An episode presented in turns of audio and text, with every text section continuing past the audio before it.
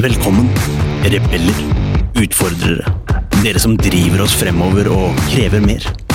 Dere som vil gjøre en forskjell. Skape magiske arbeidsplasser med lykkelige mennesker som skaper produkter som kunden deres elsker. Men 75% av nordmenn føler lite eller ingen engasjement i jobben sin.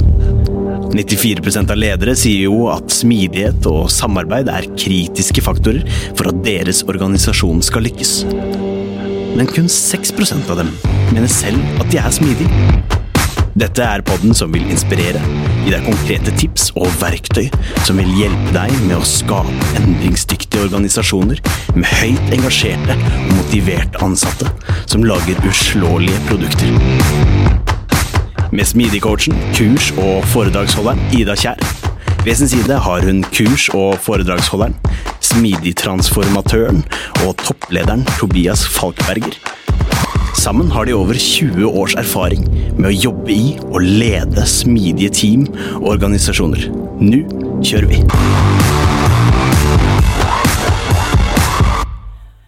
Hei og velkommen til en ny episode av Smidigpodden.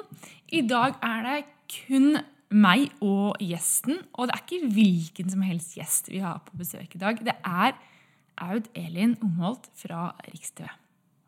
Og temaet er smidig rekruttering. Dette er et utrolig spennende tema. Og eh, som vi tenker å bygge opp episoden, er at vi rett og slett tar for oss den smidige rekrutteringsreisen, om man kan kalle det det, fra A til Å. Så da tenker jeg det er bare å dykke inn i en kjempespennende episode med Aud Elin. App, Ida. Før vi slipper inn Audelin, så har vi noen ting vi må få snakke om. Det stemmer. Vi har en spørreundersøkelse som vi håper så mange av dere som mulig kan ta dere tiden til å svare på. Ja, for vi ønsker at Smidigpodden skal være en så bra podkast som mulig, og det er jo dere som bestemmer hva en bra podkast er. Og det vet ikke vi hvis ikke dere sier ifra. Og det er jo klart det er mange som allerede tar kontakt og sender mail, og det setter vi veldig pris på. Men eh, denne gangen så ønsker vi at de får litt enda mer informasjon inn. Så eh, sett av to minutter. Paus episoden, og så inn og svar det. Det tar to minutter maks, og så minutter hjelper oss kjempemye. Ja. Og da kan dere også være med og påvirke hvilke gjester vi har i podden, hva vi kommer til å snakke om, og masse andre spennende ting. Det stemmer. Så vi kommer til å linke opp spørreundersøkelsen både i episodebeskrivelsen, på hjemmesiden vår smidigpodden.no, og også på LinkedIn-posten, som vi alltid poster i forbindelse med en episode. Så det er lett, burde være lett å finne Det burde være lett å finne den. Ellers så har vi kommet ned til Østerrike og Salbars. Det stemmer. Eh, Her er det I går var det vår, i dag er det høst. Det stemmer. Så været varierer litt, men eh, generelt fantastisk å være i Alpene. Eh, I morgen så står det downhill og stisykling på menyen, så det gleder vi oss veldig til. det blir bra. Yes. Så med det så tenker jeg kanskje at jeg lemner over ordet til Ida og Aud Elin, for jeg er nemlig ikke med i denne episoden. Så uh, kos dere. Velkommen til oss, Aud Elin. Takk for det. Veldig hyggelig at du har lyst til å komme til oss i dag. Ja, Veldig hyggelig å bli invitert. Ja, har du lyst til å starte med å fortelle litt om deg selv? Det kan jeg. For de som ikke kjenner meg, så heter jeg Audelin Omholt. Jobber med folk og kultur i Riks-TV. Sitter i dag på hjemmekontor, som sikkert veldig mange av de andre lytterne våre også gjør. Så det var veldig deilig å komme hit i dag. Komme seg litt ut av den bobla på hjemmekontoret.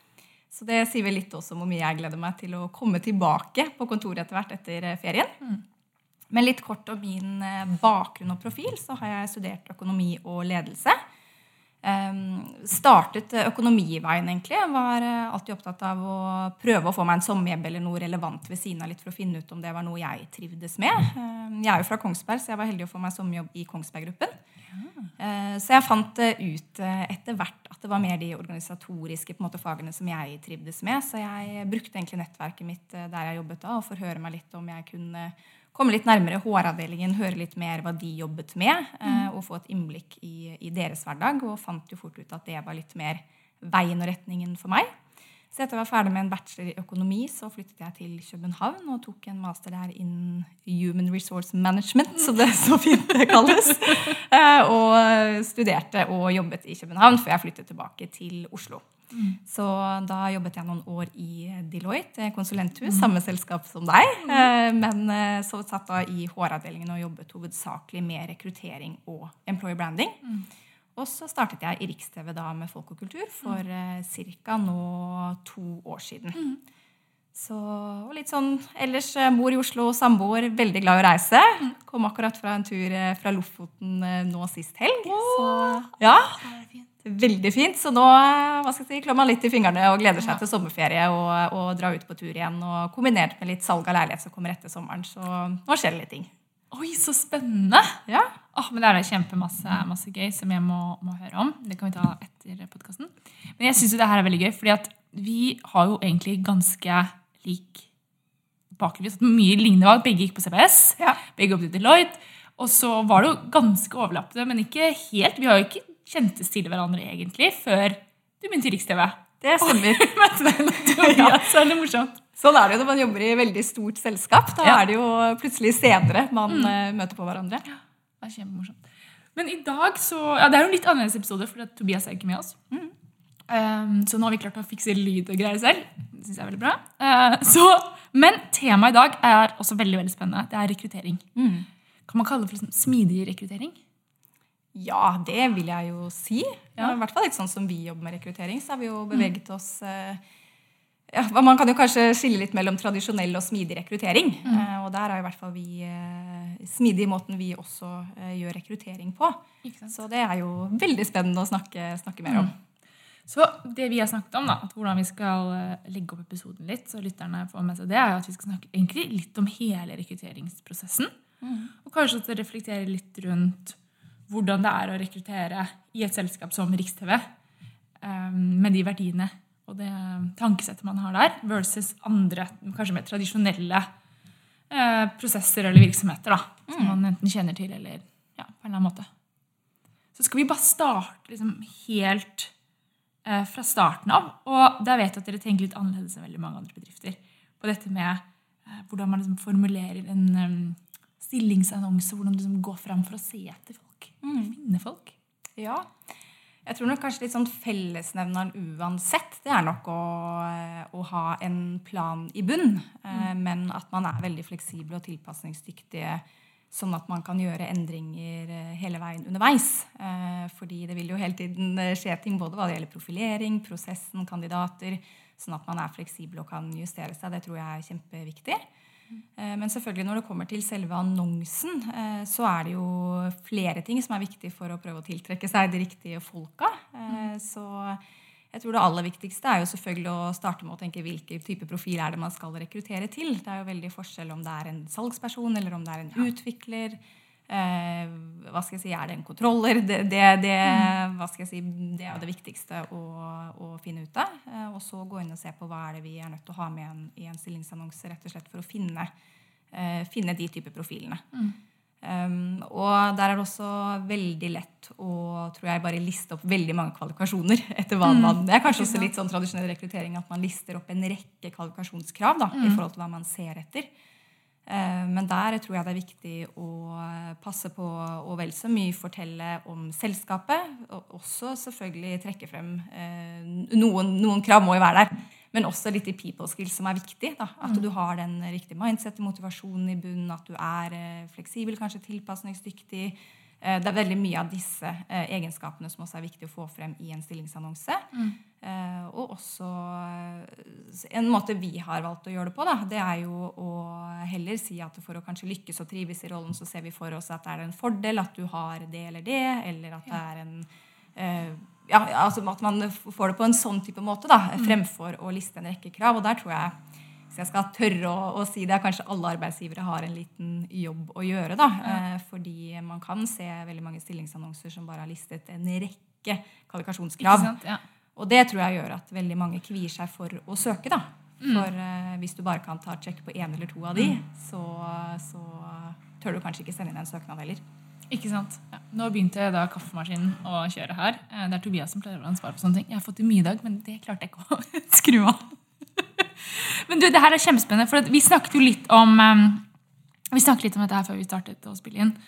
eh, rundt det at um, tradisjonelt sett, som du sier, så har man masse kvalifikasjoner. Mm. Og så diskuterte vi og reflekterte litt rundt hvordan det kan påvirke søkermassen, kan man si det? Mm. Ja, hvem er det som faktisk ja, vil søke, da? For man ser jo, man kan jo, Jeg velger å påstå at eh, kvinner og menn er ganske forskjellige på det. Ja. Menn er kanskje mer sånn ah, ok, jeg matcher på én av de, jeg søker. Mens kvinner er mer sånn nei, men du, jeg er ni av ti. Det er én jeg ikke har, så kan ikke søke likevel. Ja. Er det en bevisst tankemåte fra dere, eller er det mer enn noe som måtte ha oppstått? Ja, det er absolutt det. Det er bevisst tankegang fra vår side. Men også tror jeg den er viktig for alle å tenke gjennom, rett og slett. For å få en mer bredde av søkere til de ulike stillingene.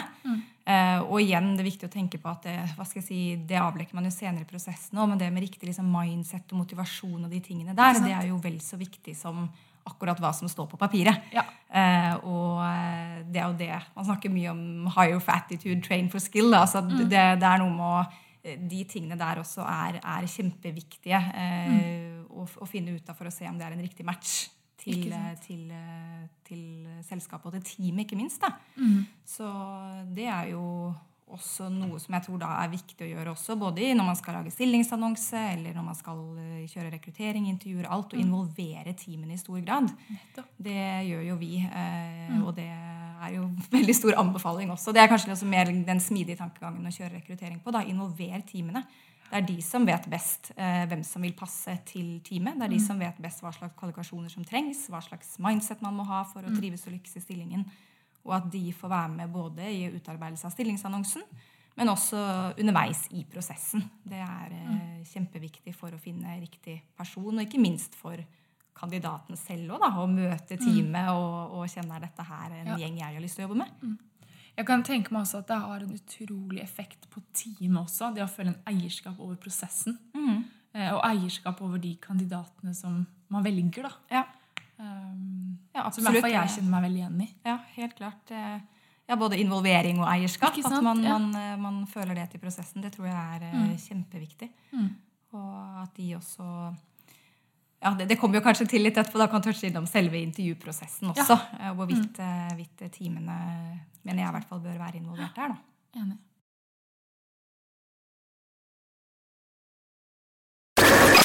Unnskyld at jeg forstyrrer deg midt i denne superspennende episoden, men jeg må bare fortelle deg noe. Forresten, det er meg, Arvid, fra introen. Er du en som ønsker å utfordre, drive oss fremover og kreve mer? Gjøre en forskjell og skape magiske arbeidsplasser? Men du bare vet ikke helt hvordan. Da har jeg noe som kan hjelpe deg. Tobias og Ida har laget et kurs. Kurset gir deg forståelsen og den smidige tilnærmingen du trenger for å tenke nytt om de organisatoriske byggeklossene, strategi, mennesker, prosess, struktur og teknologi. Lenke til kurset finner du i episodebeskrivelsen. Man får jo forhåpentligvis noen søknader. Legger ut en stillingsannonse. Hvordan, du, snakket litt, du har sagt litt om det, hva dere ser etter. Liksom motivasjon og Hva annet er det dere ser etter når dere måtte, screener? Hvordan er prosessen deres for det? Jeg tror nok eh, det er viktig å legge inn altså den totalvurderingen er viktig. Det er ikke én spesifikk ting man eh, screener etter eh, når vi får søkere. Det er jo flere ting. Man ser gjerne på, på totaliteten, da. Eh, og ser etter totaliteten av CV, av søknad, av erfaringer man har gjort før, og litt spesielt ser etter noe spesielt rundt motivasjon. Er det noe rundt det som kommer frem som gjør at dette er en kandidat som det er interessant å ta en prat med? Eh, og det, der er det jo viktig for oss å den første samtale det er mest egentlig for å avdekke og se er dette her en person som det er eh, interessant å gå videre i prosess med. Og ikke minst for kandidaten. høre med de, er det, det kan jo være at vi ønsker det, men at kandidaten, det er viktig at den personen også kjenner at dette her er et selskap og en prosess og personer jeg ønsker å jobbe med og gå videre med. da. Så det skal jo være en match her begge veier. Der tror jeg du toucher inn på noe utrolig viktig. Jeg tror det er veldig mange selskaper som glemmer det at du skal bli valgt, du òg. Det er ikke bare én vei. da. Ja. Eh, Og det å gi tid til det. Og Ja, og det å hva skal jeg si, spille også kandidaten god. Da. Der mener jeg jo alle vi som jobber med rekruttering eller er med i en rekrutteringsprosess, har, en, har et ansvar. da, Å spille kandidaten god i en prosess. fordi da får man jo virkelig vist også den beste siden av seg selv. Det vet man jo kanskje selv, og i stressa Ja. situasjoner så presterer Ja. man jo ikke det beste. Ja. Så eh, det tror jeg er en viktig faktor å huske på da, Ja. eh, når man eh, jobber med rekruttering. Ja, men det er en fantastisk måte å se på det. Fordi eh, ofte når jeg har eh, man, man, Jeg har jo litt erfaring fra rekruttering selv, selvfølgelig ikke så mye som mm. du har, men var med på en del av det i Deloitte og vært litt med på det i DNB og sånn. og så snakker man med andre, og nå sier jeg ikke at det var sånn i Deloitte eller DNB, men ofte så har mange det mindsetet liksom skal måte, teste kandidaten litt. ikke sant? De skal liksom, og jeg kan gjøre det selv noen ganger òg, det skal jeg være helt ærlig på. Eh, Men det å spille de gode, det var en veldig fin måte å si det på. Ja. Det tror jeg er kjempeviktig, for du er inne på det. Det tror jeg nok mange tenker at man må jo teste kandidatene. Så er det jo mange måter å gjøre det på. Ikke sant? Eh, Så det kan man jo ett eksempel eh, Man må jo komme til et tidspunkt hvor man også avdekker litt den faglige kompetansen. ja. Er dette en riktig person til den type stillingen? Eh, Og der er det jo mange måter å kjøre det på. Man er jo veldig kjent med liksom det tradisjonelle case-intervjuet. Mm. Det kan være én måte som fungerer godt, men til visse stillinger så kan det kanskje være vel så riktig å kjøre kanskje heller en form for workshop, eller kanskje ha mer en dialog rundt ok, hva slags erfaringer har du som er riktig og viktig i denne stillingen, som du kan trekke frem av ting du har gjort tidligere, så har man kanskje heller en dialog rundt det. Eh, Så det er veldig mange måter man kan avdekke mer den biten på. da. Og der er det jo igjen teamene som kanskje vet best. Der er det jo kjempeviktig å involvere de. Hva tror dere er mest riktig måte for å få avdekket om dette er en person som vil passe inn hos oss? da. Så, så, og, så, og så er det noe med det å Jeg nevnte jo litt viktig å involvere teamene og være mange, på en måte, at man får møtt mange i prosessen.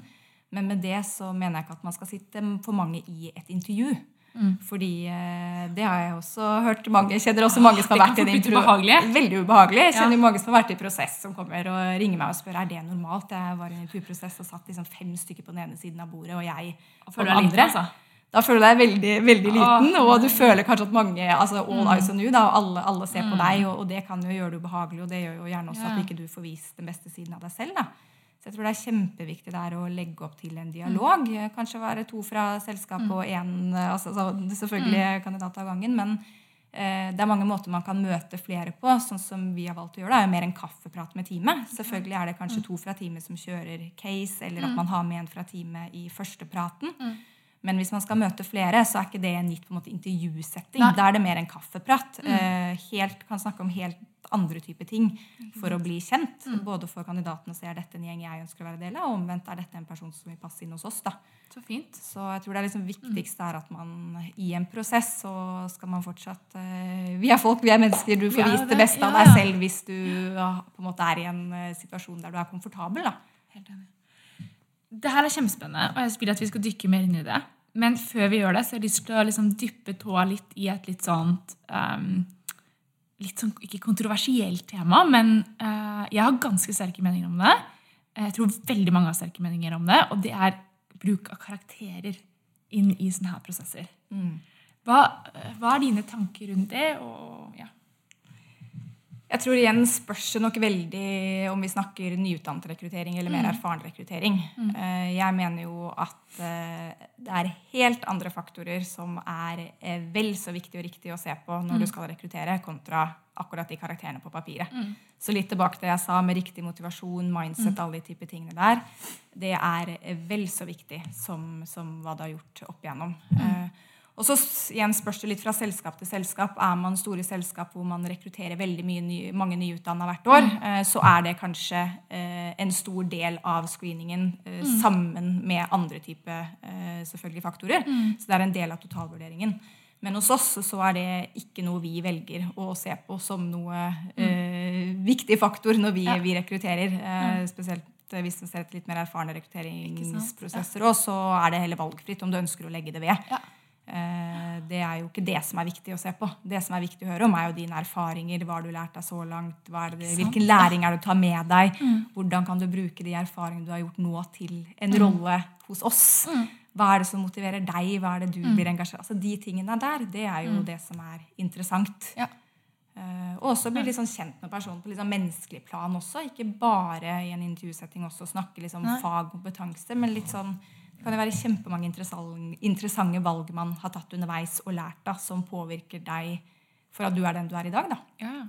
Og jeg vil jo si, Vi var litt inne på det før vi, før vi um, startet å spille inn, at det at man har Personlig så ville jeg jo sett på en person som har fått dårlige karakterer. tenke at ok, men her har du utrolig mange eh, muligheter til å lære. Hva er det du har lært av det, heller enn å se på det som en, en negativ ting. da, Se på det som noe positivt. Men så syns jeg også det er interessant eh, Jeg var i en prosess for en stund tilbake med et konsulenthus. Um, og veldig fin prosess Og sånne ting, og så kom jeg til stadiet hvor jeg liksom skulle sende mine karakterer. da. Eh, og da ble jeg litt sånn som jeg sa til deg i stad, at vet du hva, jeg hadde nesten lyst til å sende en mail og bare skrive her har du karakterene mine, men hva skal du bruke de til? Fordi det gjenspeiler jo ikke overhodet den personen jeg er i dag. Og det burde det ikke gjøre heller. fordi hadde, det vært, hadde jeg vært samme person som jeg var når jeg fikk de karakterene, Ja. det hadde vært helt feil. Ja. Ja, og der ville det jo vært, altså det viktigste der er jo heller Så å snakke med deg og høre hva Ja. du har lært av tiden din i? Deloitte, i DNB altså alle, Det er altså sånn- fascinerende. ja. Ja. At man liksom vektlegger så Det er en veldig sånn gammeldags måte å tenke på. Og I tillegg så vil jeg også utfordre kanskje de som lytter til å tenke gjennom Hvis du rekrutterer bare på bakgrunn av karakterer, hva får du da? Yes. Da Da, får du en homogen eh, gruppe. En homogen masse, nettopp. Istedenfor å se utover det. da. Og du ønsker jo mangfold, du ønsker et meningsmangfold i selskapet ditt. Ja. Eh, og så sier man ikke at selvfølgelig kan man få det. Jeg sier ikke at folk som har gode karakterer, ikke, ikke har det. Det er ikke det jeg sier. Misforstå meg rett, dere. Men, men det å um, kanskje legge det litt til side, da, og heller se på som du sier, motivasjon, personlighet. Ja. ja, og se på jeg tror liksom totalvurdering der, da. Det er jo kanskje ikke noe jeg nevnte innledningsvis, men det, rekruttering det krever masse tid. Du må sette av nok tid til det. Ja. og eh, det å gå gjennom søknader og kjøre en ordentlig prosess i starten der òg, det, det er noe du også må sette av tid til. For tenk så mye tid kandidaten har brukt på å sende inn en søknad, sende inn en søknadstekst. Eh, vi klargjøre CV-en sin, skrive om hvorfor Ja. man tenker at dette er det stedet jeg ønsker å være. Så det, det minste du kan gjøre, er å sette deg ned og lese gjennom det og ta deg tid til å eh, dypdykke i det. Og ikke minst også, for da har du mer på bena når man kommer til intervju også, da, og stiller spørsmål rundt. Ikke? Så det handler egentlig bunn og grunn også om respekt for medmenneskene og de som velger å søke til selskapet ditt. Ja. Bruke tid på dem. Ja, kjempe, kjempeviktig. Og tror jeg også, Du var litt sånn inne på det med karakterer. og jeg tror jeg er sånn tips til alle sånn, hvis det er noen unge lyttere som hører på, da, eller de som er foreldre selv, og tenker at det er vel så viktig måte å bygge karakter som å få karakter. Det er, eh, det er eh, så mange andre ting som er viktig for å fungere godt i arbeidslivet. Og det er også så mange andre selskaper som kan være riktig for deg enn kanskje akkurat de du blir profilert for på studiene. da. Så um, Helt enig. Ok, og Nå tenker jeg at det er på tide å hoppe inn i den at ok, men når man, eh, nå skal man ha intervjuer. Og så har vi vært inne på det. Ja. Hvordan tenker dere rundt alt dette med intervjuer, case, workshop, kaffeprater? Var dere inne på? Nei, det er, eh, ja, vi tenker jo mye forskjellig. Vi eh, kjører jo heller ikke én på en måte standardprosess eh, for alle, alle stillinger heller. Det varierer nok eh, en del fra prosess til prosess. Men igjen, det viktigste involver teamen i prosessen. Vi eh, kjører sånn som det er nå, oftest tre på en måte runder. Første er en uh, første prat, rett og slett, for å bli bedre kjent. Høre litt om hvorfor har man søkt uh, Riks-TV for, for vår del. Da. Litt, Hva er det som motiverer deg med det? Hva er det du har gjort tidligere som gjør at du nå ønsker å søke deg til denne rollen. Eh, rett og slett bli bedre kjent. Og ikke minst at vi også, det tror jeg fort mange glemmer å selge inn seg selv. Det er vel så viktig at vi i den første praten også forteller litt kort om hvem vi er, og hvordan vi jobber, for å skal trigge da at denne personen fortsatt ønsker å være med videre i prosess. da. Så det er en form for dialog kanskje, en førsteprat som er veldig viktig. Eh, og så vil jo neste steg være å gå mer, dypdykke mer i det faglige. Eh, og da er det jo gjerne teamene selv som kjører eh, hele prosessen. Eh, enten om det er en case, eller om det er en eh, siste utviklerstilling. For jeg hadde en liten stund tilbake siden. Det var eh, til maskinlæringsteamet. Da kjørte de mer en form for på en måte, workshop eh, fremfor et, eh, et case. For det tenkte de at det er den beste måten for å avdekke. Da får man jo både avdekket det faglige, og også mer hva skal jeg si, samarbeidet. Dette her, kommer dette her til å fungere? da? Eh, og en fin måte, det husker jeg den kandidaten som var i prosess sa, at det var en veldig fin måte å kjøre prosess på. Fordi det stilte på en måte ikke helt sånn kandidaten til veggs at de skulle komme Nei. inn og vise Man fikk på en måte vist ved å sitte sammen og jobbe. Eh, så vil jo det igjen variere litt fra stilling til stilling. Én ting kan fungere og være riktig når man skal skal si, ansette den profilen, og så noe annet eh, til, til andre prosesser. Så jeg tror det hele tiden igjen er viktig med det derre eh, gjøre tilpasninger, endringer underveis. Stoppe opp og tenke ok, hva er det riktig for denne type stillingen. Um, Men så utrolig fin måte å, å gjøre altså Istedenfor å bare gi en case, og så løser personen casen så bare, ja, men 'Hvordan har du gått til samarbeid?' eller? Liker du å samhandle med andre? Ja, jeg er kjempeglad i å samhandle. Jeg er grå på det. Ja. Men Istedenfor så setter du personen ned med teamet.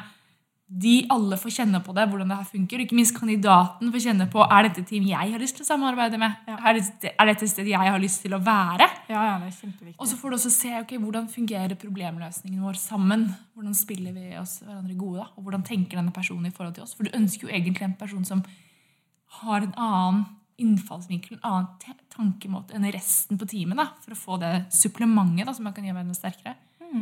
Ja, absolutt. Og så er det jo det skal sies, vi, det er jo mange prosesser vi kjører case-intervju på, vi også. Men da er det vel så viktig at i det case-intervjuet så legger vi også opp til en dialog. Da Da er det vel så viktig å høre refleksjoner, tanker. Hvordan har du kommet deg frem til det på en måte resonnementet? Hva tenker du rundt det? Og at man har en dialog eh, hele veien da, for å få ut nettopp best mulig da, Ja. eh, av eh, kandidaten og se om dette her er noe som, som funker. da. Um, så, um, også en, gjerne en eh, siste runde for vår del òg. Der kommer man litt igjen tilbake til eh, litt innledningsvis. I første samtale så er det jo selvfølgelig innsalg av, av selskapet, men der vil man jo virkelig dypdykke mer i ansattgoder. Eh, Og hvordan det er å jobbe alle de typer tingene som ikke er dekket. da. Ja. Eh, I tillegg til at vi også har en del fokus på, på en sånn personlighetsprofiltest som vi sender. Um, der er det jo mye som er diskutert hvorvidt man skal bruke tester i rekruttering eller ikke. Ja. men når man bruker de riktig, så mener jeg det gir veldig stor verdi. Så vi bruker ikke det som noe screening. Vi bruker det som et eh, del og ledd av siste samtalen rett og slett, for å bli bedre kjent. Mm. og det er rett og slett for å se hvordan vi også kan eh, legge til rette på best mulig måte for at den personen skal trives eh, hvis man får tilbud og starter hos oss. Da. Ja. Det er en veldig fin måte å se på personlighetstesten som. da. Mhm. Mm. Jeg hørte også det var um, snakket med det var um, snakket med Ellen Maria fra Gnist. Ja. Her, nå håper jeg hun syns det er greit jeg sier det her, da. Men de, eh, de ringer faktisk eh, eh, Hun har snakket med foreldrene til noen. Ja. Og type sånn, For da hadde kandidaten kunnet si vel selv da, de skulle ha noen som også ikke var jobbrelatert. da. Og da var det sånn Nei, jeg ringer pappa, liksom. Og det er noe med det at det handler, liksom, det handler kanskje ikke om å få vite er den kandidaten best for jobben, men kanskje må vite ok, hvis jeg ansetter denne personen, hvordan kan jeg tilrettelegge for det? Og jeg synes Det er en fantastisk måte å se på mennesket som. Ja. Altså, liksom, ok, Jeg har lyst til å tilrettelegge for at du skal gjøre det best mulig. Eh, hvordan kan jeg gjøre det som leder? Ja. Og det er en veldig fin måte å se på personlighetstesten på. Ja. Men det er interessant det du sier der, for det tror jeg er eh, veldig viktig eh, når man gjør referansesjekk også. Det er noe hvert fall jeg alltid tar med meg når jeg gjør referansesjekker. Det er alltid sånn, sånn siste spørsmål. Hva er det du eh, mener vi bør gjøre for å tilrettelegge på best mulig måte for at denne personen skal trives? Hva er det den trives med? Hva er det man som team kan gjøre? Hva er det man som leder kan gjøre? For da får man veldig mye nyttig informasjon man kan ta med seg. da. Mm. Så mm, ja. Og så ikke minst også da en del av siste prosessen, litt det vi var tilbake til. Og den litt sånn kaffepraten. Uformelle kaffepraten. Kjempeviktig. For at eh, hele teamet får møtt personen, og at kandidaten får møtt teamet man eventuelt skal bli en del av. da. Mm. Det her syns jeg er så viktig. Jeg syns det er så under, sånn undervalued. Under, Ja. ja, undervalued det beste ordet jeg har å komme med. Eh, undervurdert, kanskje man kan si. Yes. eh, del av prosessen. Da, det å faktisk møte hele teamet. Og um, her vet jeg at det er ganske splittede meninger. Noen mener at det er litt sånn ja, men du setter personen litt til veggs, kan få litt prestasjonsangst. Men jeg tenker jo ikke, du må jo se an selvfølgelig rollen du rekrutterer til. Hva slags type eh, rolle er det? En rolle også, og er det en rolle som typisk person da, som ville håndtert dette bra, vært likt å være i en sånn situasjon? Sedan kanskje litt eh, der. Men også tenker jeg at her har jo selskapet et ansvar på å gjøre den settingen så behagelig som mulig. Og igjen tilbake til det å tilrettelegge og sørge for at, å spille kandidaten god. da. Absolutt. Og være tydelig på at dette her er ikke en, et, et intervju hvor du skal sitte og ta kaffe med hele teamet, men det er egentlig bare en hyggelig prat hvor du skal bli kjent med dem. For at du skal få bestemme om du har lyst til å være Ja. oss. Absolutt. Og så der igjen selvfølgelig litt avhengig av størrelsen på teamet. Det kan jo være at noen lyttere sitter nå og tenker ja, kjempestort team, så hvordan skal det være mulig å gjennomføre? Men da kan man jo heller eh, Ok, noen kanskje kan være med da i intervjuprosessen tidligere, eller tidligere i prosessen. Eh, kanskje de som er, har mest lyst eller mest ønske om det, kan være med da i en kaffeprat. Sitter man med et team på 20 stykker, så er jo det mye å involvere er alle, alle de i en sånn siste kaffeprat. Det kan jo bli litt mye for kandidaten. Ja. Men eh, der er det jo også mm, var jo kanskje da sånn sett enklere når man var på kontoret. fordi da kan man jo gjerne ta med på en hilserunde, så man får møtt alle Ja. Så da må man jo finne igjen, litt sånn, gjøre justeringer helt underveis. Mm. Det har jo gjort at vi har kunnet hva skal jeg si, snu oss raskt rundt når vi måtte kjøre heldigitale Ikke prosesser. Da. sant? Ja. Så eh, da må man rett og slett bare finne nye måter. Hvordan kan man på best Mm. mulig måte eh, gjennomføre det nå digitalt, da. Men jeg tenker også det at det nå er heldigitalt, eh, det åpner jo opp også for et hav av muligheter. Mm. Eh, Det er veldig lett å se på begrensningene, men det man burde gjøre, er å se på mulighetene man får med å være digitalt. Ja. Plutselig så er det jo flere som kan møte kandidaten. Kandidaten kan møte flere i organisasjonen. Eh, man kan ha litt annen dynamikk enn man hadde før, og gjøre ting på en litt annen måte. da. Ja. Jeg tror det er riktig det du sier, Man må se bare på muligheten og ikke bare tenke begrensninger. Da. Det er jo masse, Man må bare tenke litt nytt rundt måten å gjøre det på. Og igjen, hør med jeg skal si, andre folk internt. på, Ja. og Kom med innspill, kom med forslag. Og, og så finner man sammen på en måte best mulig løsning. Da. Ikke sant? Mm. Ok. Men så sier vi at vi har um, gjort oss ferdig med alle kaffeprater og caser og workshoper og alt mulig. Uh, og så sitter man kanskje igjen med noen flere kandidater, og så er det noen du må Sverre må eh, gi avslag til. Og så er det selvfølgelig én eller kanskje flere som får jobben. da. Jobben er, kommer an på. Hvordan, Hvis vi starter med de som får avslag, da, hva tenker dere rundt det?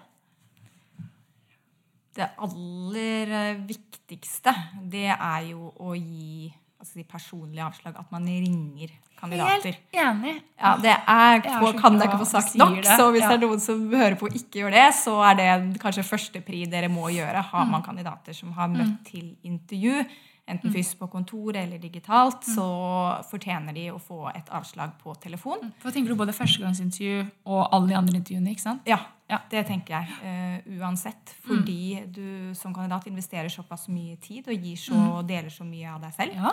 at du fortjener å få den telefonen fordi du går også i en forventning som en kandidat at det er eh, det er 50-50 om du kommer videre Ja. eller ikke. Du vet også at det er mange andre i prosess. Så, så det å få eh, et avslag Det er jo ikke dermed sagt at eh, det vil være uansett et hav av andre muligheter mm. åpne for deg, men det er viktig at du får en personlig tilbakemelding på Det kan jo bare være små marginer som gjør at dessverre så var det en annen som hadde akkurat, var akkurat riktig match for oss denne gangen. da. Ja. Men at vi fortsatt eh, hadde, altså sånn at man får den tilbakemeldingen at man hadde en god opplevelse, eller får noe konkret hvis det er noen tips man kan gi. altså til det er i hvert fall min erfaring at det er noen som har spurt ja, har du noen tips, er det noe jeg kunne gjort annerledes. Og være også ærlig på det. At hvis det er noen små ting som man tenker at det kan, eh, kan man gjøre bedre, så ok, dette var kjempebra. Hvis du skal ta med deg ett tips, så, så kanskje det.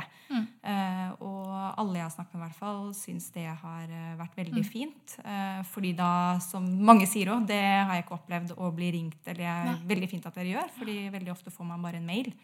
Så det blir også noe personlig med en gang. Og igjen tilbake til litt sånn Alle som har vært i prosess og ikke går videre, er jo også forhåpentligvis gode ambassadører for oss. Nettopp. Fordi hvis de sitter igjen med en god opplevelse av oss som selskap, så vil de også snakke varmt om oss til andre.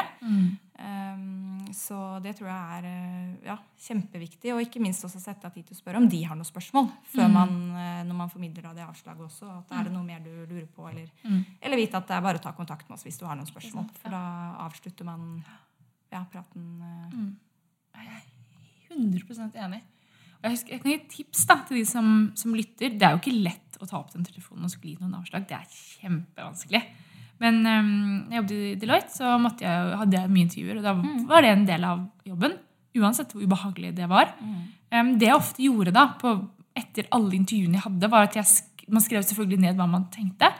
Og så hvis det var noe jeg skulle ringe, så skrev jeg alltid ned på forhånd um, noen ting som de gjorde veldig bra, og noen ting som de kunne bli bedre på. Eh, og da ga jeg dem aldri feedbacken på det, med mindre de spurte om det selv. Nei, det er også viktig. Fordi de er i en så sårbar situasjon, og det å komme og liksom prakke på informasjon som de kanskje ikke vil ha, det tenker jeg, det må de få bestemme helt selv. Helt riktig. Og jeg opplevde i Deloitte så var det um, et tilfelle jeg husker spesielt godt. Og jeg ringte og måtte gi en avslag, og han var så ålreit person.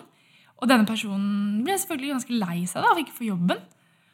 Og så, um, så respekterte jeg det, og så sa jeg ha det bra. Og så ringte han meg opp igjen sånn ti minutter senere. Og så han bare, du, vet du hva, jeg, jeg ble bare liksom litt, syntes det var litt kjipt, men kan jeg få tilbakemelding? Ja. Jeg bare, sånn, selvfølgelig kan du få tilbakemelding! Ja. Og det tenker jeg liksom, viktig å respektere det rommet. da. Og da, hvis en person tar mot til seg og ringer tilbake, så må du være klar for det. da. Ja, Og det å ha den lille listen, det tror jeg det er liksom gull verdt i en sånn setting. Ja, jeg tror det er kjempeviktig å i hvert fall være forberedt som du sier, hvis de ønsker å få noe mer eh, konkret feedback. Da. Og så kan det være bare rett og slett kjempesmå marginer eller ting som gjør Ja, at ja, man dessverre ikke gikk videre i prosess. Da. Eh, men så er det jo også de tilfellene som du sier, hvor noen blir eh, kjempelei seg, tar det veldig tungt, at man ikke er videre. Og det er jo, for mange betyr det jo kjempemye. ikke sant? Det er tøft. For, kanskje er det drømmejobben, og det er tøft for mange å stå i en sånn Ja. jobbsøkerprosess.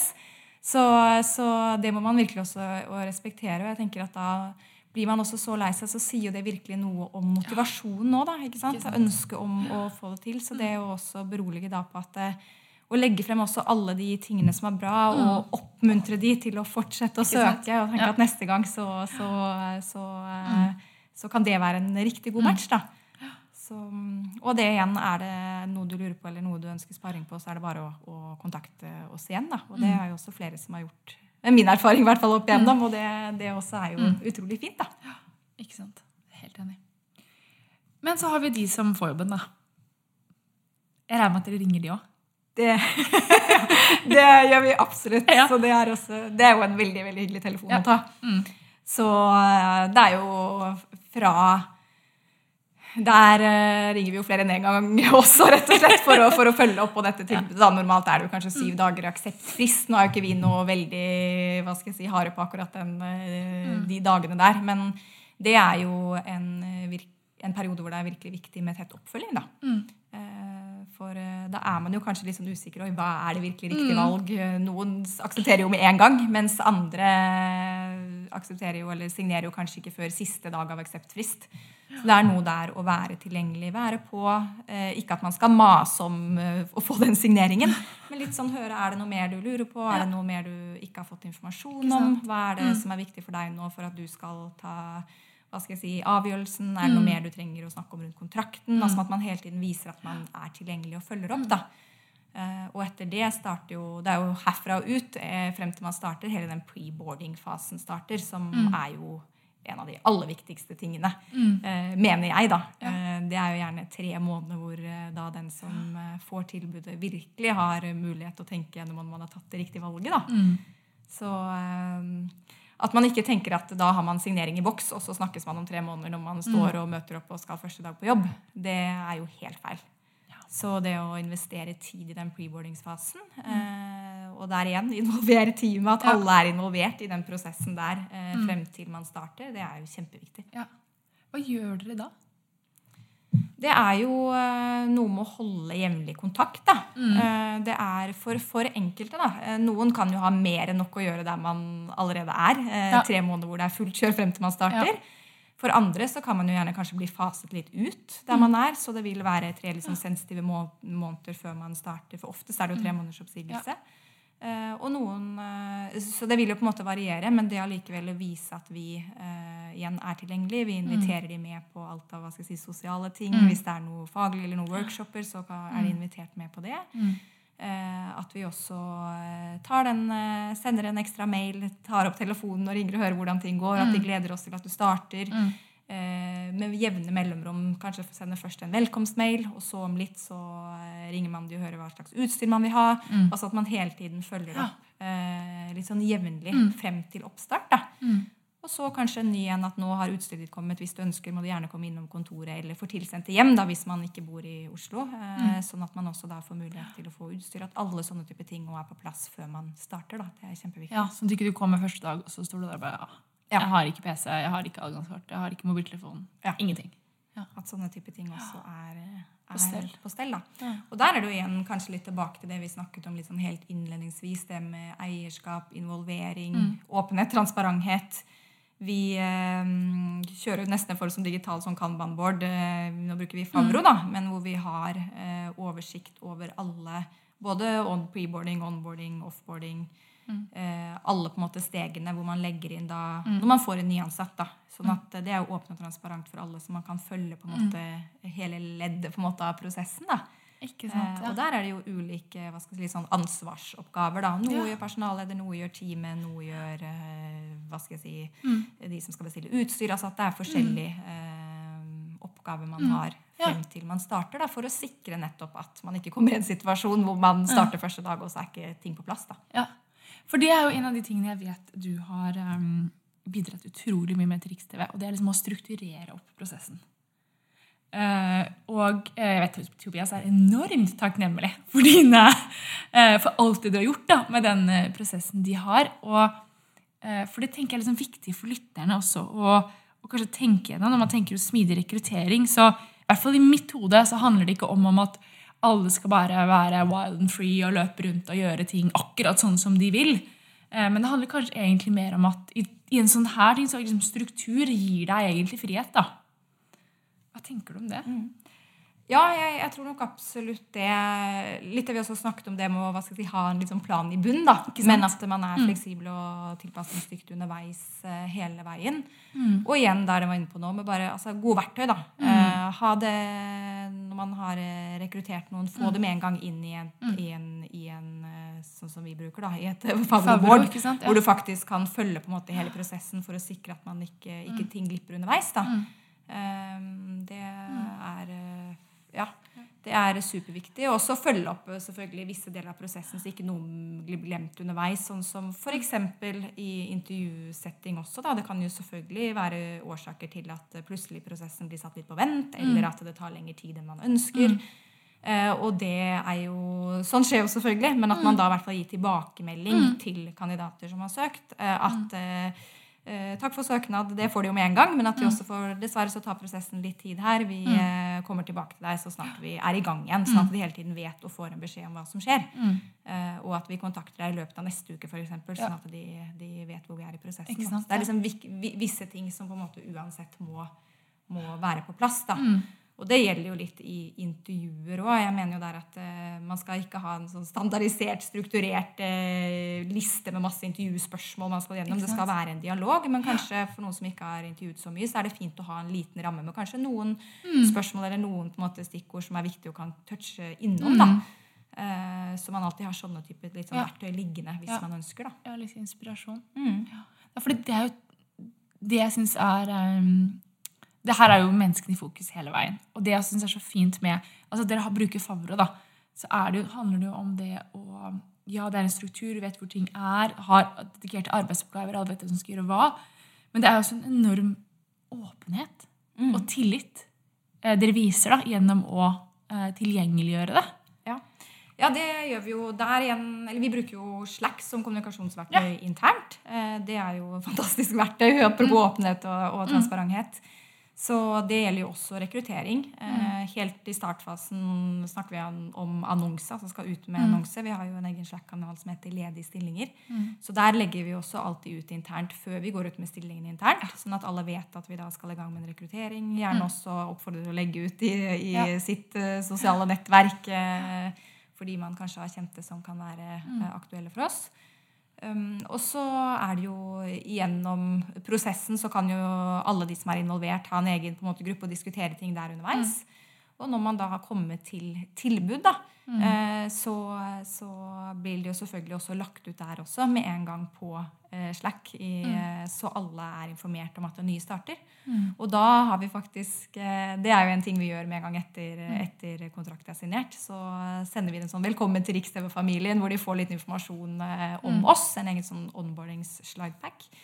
Og i tillegg så ber vi de legge ved et bilde og en liten tekst om seg selv. Gjerne dele noe personlig også. Det er ekstra fint.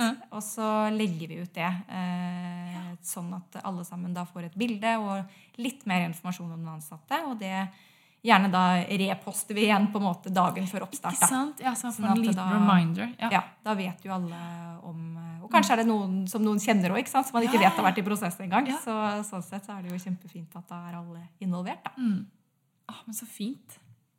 Så det er noe med å Ja, det tror jeg er kjempeviktig. Igjen, den der kandidatopplevelsen òg. Det er utrolig viktig både underveis i prosessen, men også i det du har fått tilbud og før du skal starte. Det å føle at andre vet du skal starte, da. At andre eh, vet om det, det tror jeg eh, det tror jeg er veldig viktig også for den, som, den nyansatte. da. Ja, man føler seg så mye mer velkommen. Ja, litt føler føle seg velkommen og inkludert. Og, Jeg har hørt skrekkhistorier fra andre selskaper hvor folk har kommet på jobb, og så har det, eller kommet på jobb første dag, da. og så har de glemt at personen skal starte. Ja. De har liksom bare Å, det er den. Er den personen her? Å, herregud, ansatt for tre måneder siden. Shit, skal komme i dag.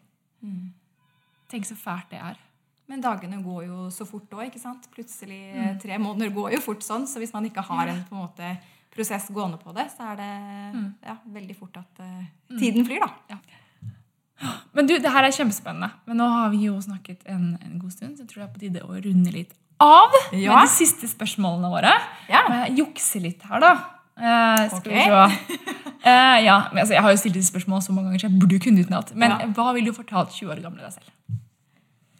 Å, det er et godt spørsmål. Um, jeg ville nok uh, sagt at man hva skal jeg si, må jeg si, gå litt sånn sin egen vei. Gjør det som motiverer deg. Vær søkende. Uh, finn på en måte det du ønsker å gjøre, da. Ikke, ikke gå en vei fordi alle andre mener det, eller fordi det er det resten av hva skal jeg si, vennegjengen din i 20-årene gjør. Eh, jeg tror du kommer veldig langt ved å å hva skal jeg si, rett og slett eh, prø- prøve å gjøre rett og slett litt annet. da, eh, og, og være nysgjerrig, være søkende. Det tror jeg er kjempeviktig.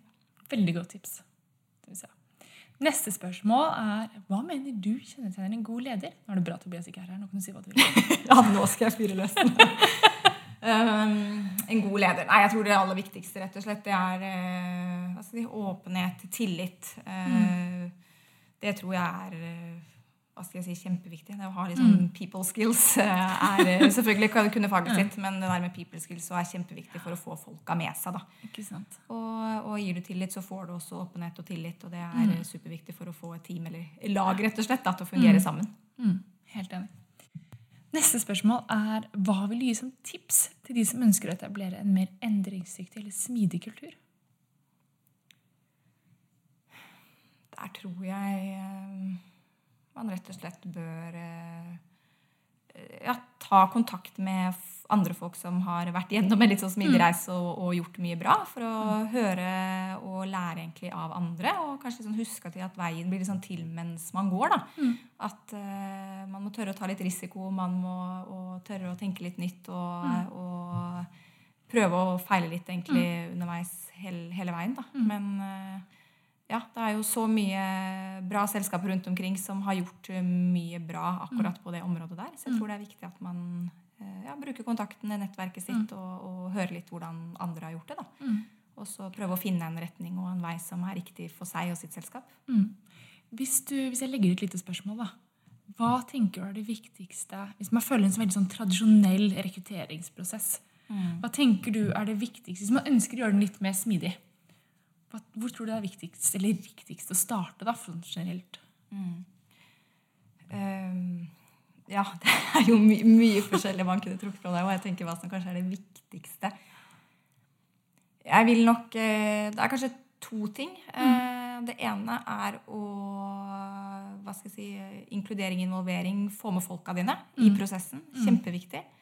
Da tror jeg du får også riktig, eh, helt klart riktig kandidat, riktig match også. Eh, og sitte sammen og se på stillingsannonsen, rett og slett for å få, eh, få flere potensielle søkere og litt eh, ulike typer mennesker. Eh, spesielt hvis man har eh, gjerne i litt sånn mer tradisjonell rekruttering når det kommer til profilering og stillingsannonse, så lister man gjerne opp det vi var inne på. Veldig mange kvalifikasjoner. Ja.